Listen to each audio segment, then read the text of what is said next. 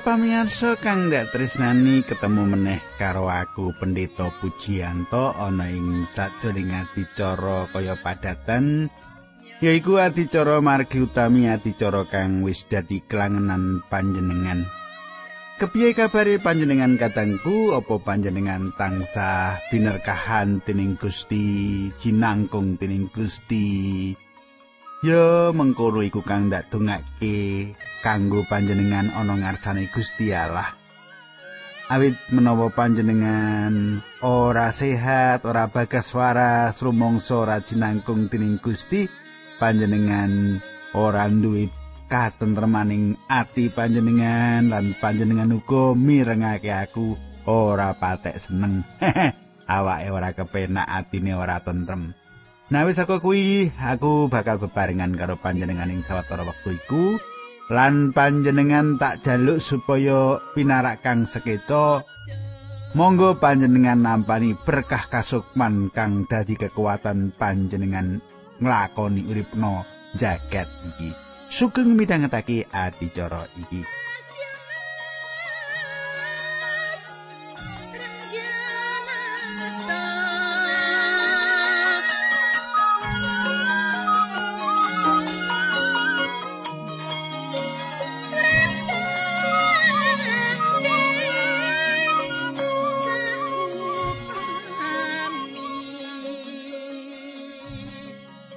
Sumitraku, ing patemon kita kepungkur kita wis nyemak bab memungsuhane Gusti Yesus karo para pemimpin agama tambah ndadi. Gusti Yesus mestani wong-wong kuwi senadyan padha ndeleng nanging sakbenere wong-wong mau padha wuta. Banjur kepiye terus perangan iki kita bakal nyemak saiki nanging sadurunge tak terusake monggo kita ndedonga dhisik supaya kita dituntun karo Gusti Allah. Duh Kanjeng Rama ingkang adhedhampar wonten kraton ing kasuwargan. Kawula ngaturaken gunging panuwun menawi wekdal menika kawula saged tetunggilan kalian sederek-sederek kawula ingkang setya tuhu midhangetaken acara menika. Kabingahan katentreman kawula suwun tansao ngalimputi keluarganipun sederek-sederek kawula menika menawi wonten ingkang kekirangan paduka paringi margi kados pundi saged nyekapi. Dinambaran asmanipun Gusti Kawula Yesus Kristus kawula ndedonga haleluya amin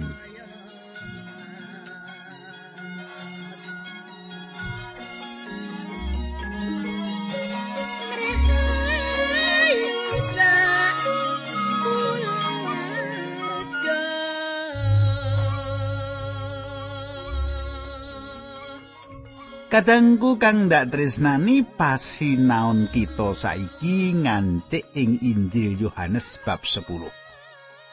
Pasinaon kita saiki ngancik ing Injil Yohanes bab 10. Angon. Dek jaman semono carane yaiku angon bareng-bareng. Angon kewan, ya angon kewan, angon raja kaya. Dek jaman semono carane yaiku angon bareng-bareng. Yen wis wayah sore para pangon kang manggon ing kutha mau padha ngiring wedhuse menyang kandang ngandhangake wedhus-wedhuse pengine para pangon mau masrahake kabeh wedhuse marang si tukang jaga wedhus-wedhus mau lan tukang jaga kuwi uga bakal ngrumat kabeh wedhus-wedhus mau pangon mau banjur mulih sak perlu turu Sebanjure esuke para pangon mau bali menyang kandang lan wong-wong kang jaga wedhus-wedhus mau mbukakake lawang awit wis padha wanuh karo pangon mau, para pangon mau bisa njupuk wedhus-wedhus mau. Kadangku, ana sawetara kayekten kang bakal kita semak ing perangan iki yaiku lawange kandang, lawang menyang wedhus-wedhus, lawang lan pangon kang apik. Ayo kita semak siji mboko siji. Pangon kang apik padha karo pangon kang pinunjul. Siji lawang mlebu menyang kandang. Saiki panjenengan tak wacake Yohanes 10 ayat 1 lan loro.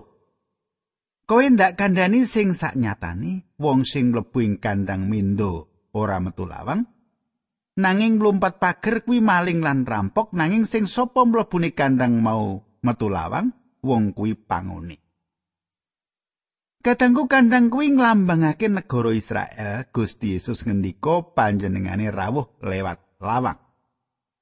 Panjenengane banjur nerusake kanthi ngendika yen ana wong kang ora mlebu lewat lawang wong kuwi maling lan rampok. Apa sing dingendikake Gusti Yesus iki sawijining pratela kang ngidapi-dapi. Panjenengane rawuh lewat lawang. Lire, panjenengane rawuh kanthi cara kang bener. Gusti Yesus rawuh kanggo ngenepi kabeh pameca kang katulis ana ing perjanjian lawas. Panjenengane rawuh selaras karo isi angger-anggere Torat. Kita bisa nyemak sawetara kang meratelake perkara iki. Pemane tulisan saka Galatia papat ayat papat. Nanging bareng wis tekan titi mangsani, Gusti Allah banjur ngutus Kang Putra rawe kaya bayi sing lahir saka wong wadon lan kawengku dening angger-anggering torete wong Yahudi. Gusti Yesus rawuh ing sajroning urutan tedhak turune Daud selaras karo pameca kang ana. Panjenengan bisa semak Lukas 1 ayat 32. Panjenengane dilairake ing Bethlehem selaras karo kang diweca Mika 5 ayat 2. Ora mung panjenengane lair saka garis turune Daud, nanging panjenengane dilairake saka perawan kaya kang wis diweca Yesaya pitu ayat 14. Nalika lahir Gusti Yesus iku semi kang tukul saka sogolane Isai. Yesaya 11 ayat 1. Katangku nalika Gusti Yesus rawuh, terah priayi. Nek basa Indonesia darah biru saka Daud wis bali dadi wong-wong biasa, wong-wong lumrah. Ora ana meneh ambune minangka jejering tedhak turune ningrat. Isae iku wong kang dadi pangon ing Bethlehem kang temen-temen anggone ngrumat wedhuse. Anake Daud dijebati lan sebanjure wiwit wektu iku keluargane dadi keluarga ningrat. Lan keluarga iku dadi keluarga keraton. Nanging nalika Gusti Yesus lahir, panjenengane mung dadi semen kang lagi tukul ing sadroning keluarga Isae iku. Keluarga kang wis dadi keluarga lumrah. Gusti Yesus sebanjure mung dadi tukang kayu lan nganggo sandangan tukang kayu, pameca kuwi pas banget. Kadangku Gusti Yesus iku sang Mesih lan panjenengane rawuh nglewati lawang. Ora ana wong liya kang kagungan tondo-tondo kaya Gusti Yesus iki. Panjenengan kudu emut ing sadroning pasal sadurunge wong kang diwarasake saka wuta wong iku wis dipencelake, disingkirake saka pedalaman suci. Para pemimpin agama nampik wulangane Gusti Yesus lan ing kene kita nyemak wong-wong iku lumawan panjenengani. Panjenengan kudu eling uga, Gusti Yesus wis nyetakake yen wong-wong mau wuta. Saiki Gusti Yesus meratelake anggone rawuh kanthi sah lan uga pratelane sah. Saiki ayat telu. Sing jaga kandang bakal ngengakake lawangi mendo-mendo yo niteni suarane semongso pangon mau ngundangi mendani manut jenengi dewi-dewi lan dikiring metu Kadangku, sapa kang dilambangake tukang jaga kuwi? Panjenengan pirsa, sapa? Tak kandhani yo, tukang jaga iku ya iku Sang Roh Suci. Sang Roh Allah rawuh marang Gusti Yesus lan kabeh kang ditindakake ditindakake kanthi panguasane Sang Roh Allah. Sang Roh Suci buka ngengakake talingane para mendo kanthi mengkono mendo-mendo mau ngrungokake swarane pangon. Apa kang ndak aturake iki ana gegayutane karo pasal sadurunge? Para pemimpin agama iku wuta secara kasukman lan uga budhek secara kasukman. Nanging panjenengane nimbali jenenge mendo-mendo kagungane lan nuntun mendo-mendo mau kabeh. Mendo-mendo mau ngrungokake swarane nalika Gusti Yesus nimbali umat kagungane supaya metu saka jagat iki nalika jaman wong prataya kapulung. Aku yakin ing sajroning nimbali Gusti Yesus bakal nyebut jenenge kabeh wong kang pracaya. Aku rasa Gusti Yesus bakal ngendika marang aku secara pribadi. Pujianto, ha indah banget ya. Pujianto. iku di ngendikake Gusti Yesus wah endah banget. Nah, panjenengan paino. Iya ta. Bambang Sumajaya, wah enak banget ah. Nah, Gusti Yesus kenal karo jenengku lan kenal karo jenenge panjenengan. Lan panjenengane bakal nimbali manut jenenge dewi-dewi. Panjenengane uga bakal nimbali jenenge panjenengan manawa panjenengan kalebu salah siji mendani. Panjenengan bakal mireng jeneng panjenengan disebut. Saiki ayat papat. Sawise wedhus-wedhus mau metu, pangon kuwi nuli mlaku ana ing ngarep lan wedhus-wedhuse ana ing burine sebab padha wanuh karo swarane pangone. Kadangku kandang iku ya iku tanah jembar kang ana pagere lan pangon mau nyelehake wedhuse ndokok wedhuse ana ing kono ing wayah bengi. Banjur ana tukang jaga kang ana ing kono, sawise wedhus-wedhus mau dipasrahake tukang jaga kuwi, pangon mau bisa mulih lan turu ing omahe dewi-dewi. Nalika pangon mau bali meneh menyang kandhange suke, wedhus-wedhus mau campur karo wedhus-wedhus duwe pangon liyane. Ora ana tandha kang bisa mbedakake wedhus iki duwe sapa, wedhus kae duwe sapa, ora ana kang mbedakake ora ana tandhane. Banjur kepiye bisa nemokake yen wedhus iku duwe pangon mau bakal nyeluk kanthi nyebut jenenge. Pangon iku ora perlu goleki wedhus-wedhuse awit wedhus-wedhus mau kenal karo swara pangone.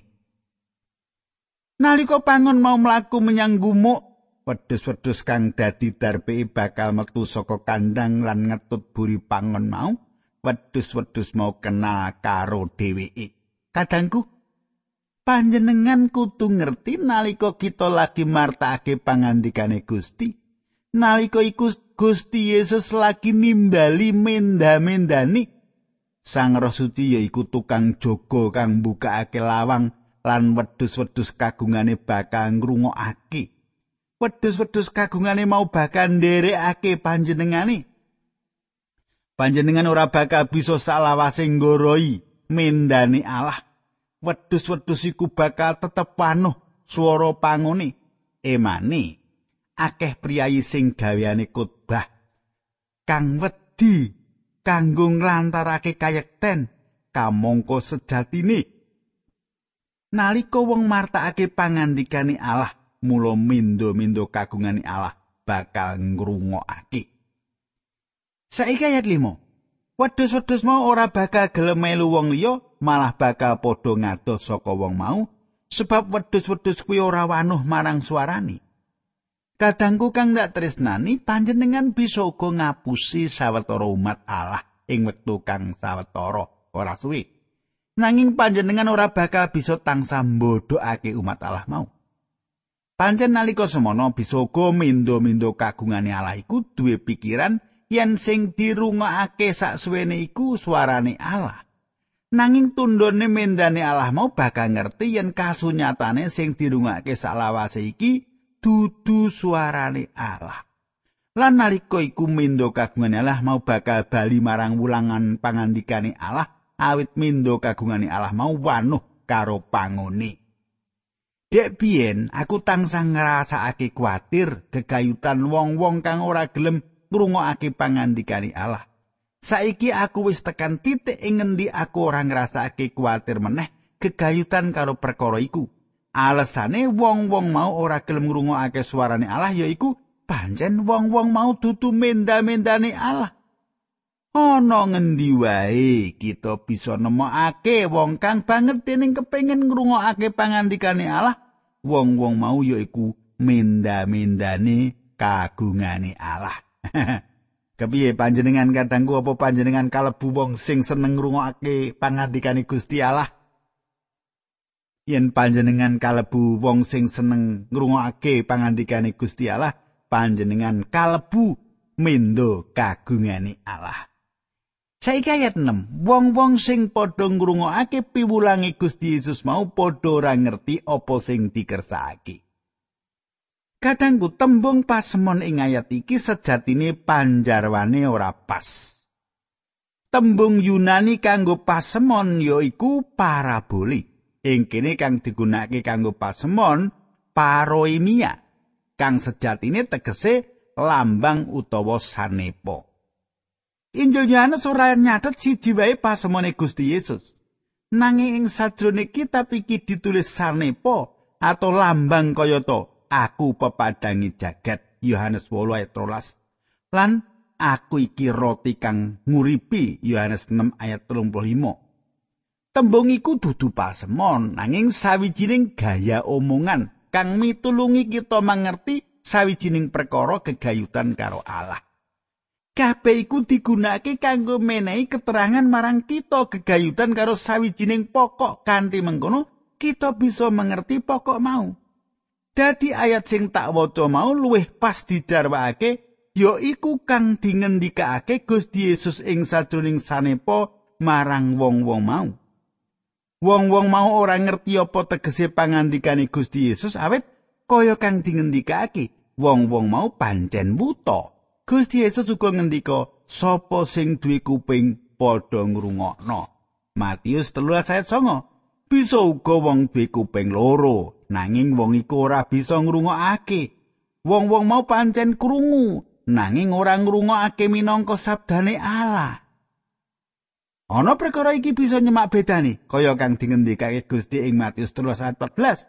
Gusti Yesus nyuplik saka kitab Yesaya, "Kowe bakal bola-bali krungu, nanging ora ngerti. Kowe bakal bola-bali deleng, nanging ora sumurup."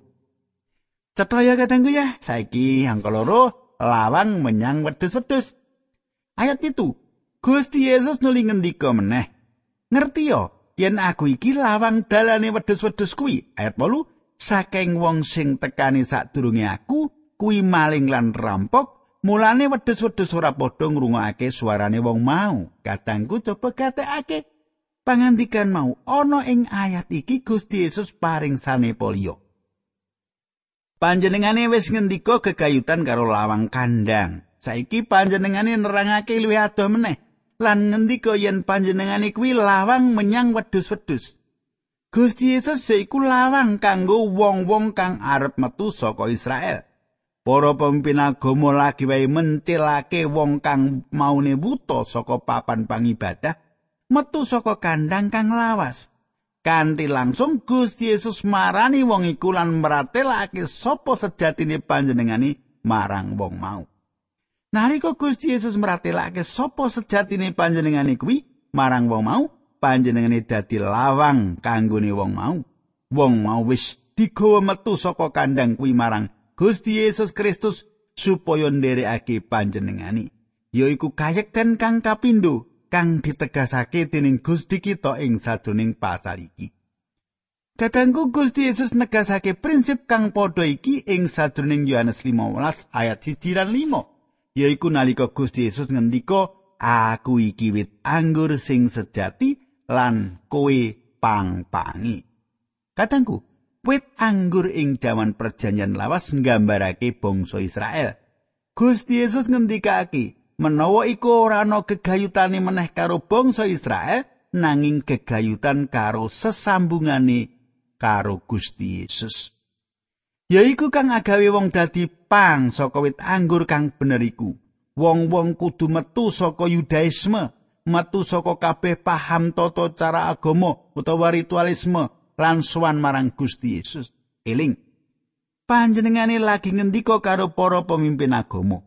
Sawetara ing antarane para pemimpin agama iku ana kang sowan marang panjenengane sakwise wungune saka situ.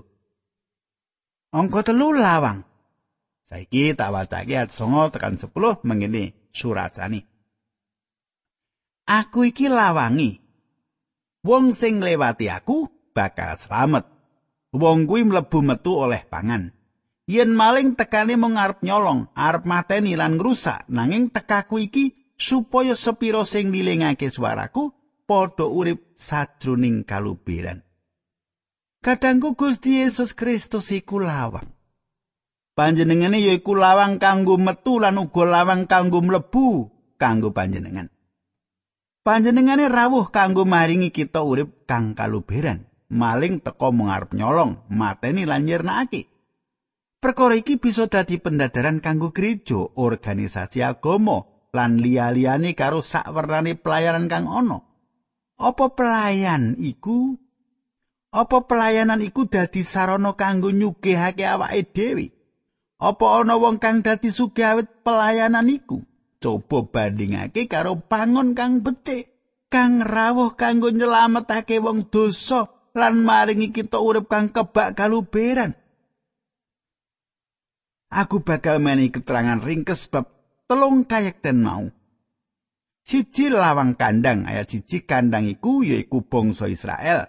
Gusti Yesus bakal nuntun mendo-mendo kagungane metu saka paham Yudaisme, metu saka sistem legalisme.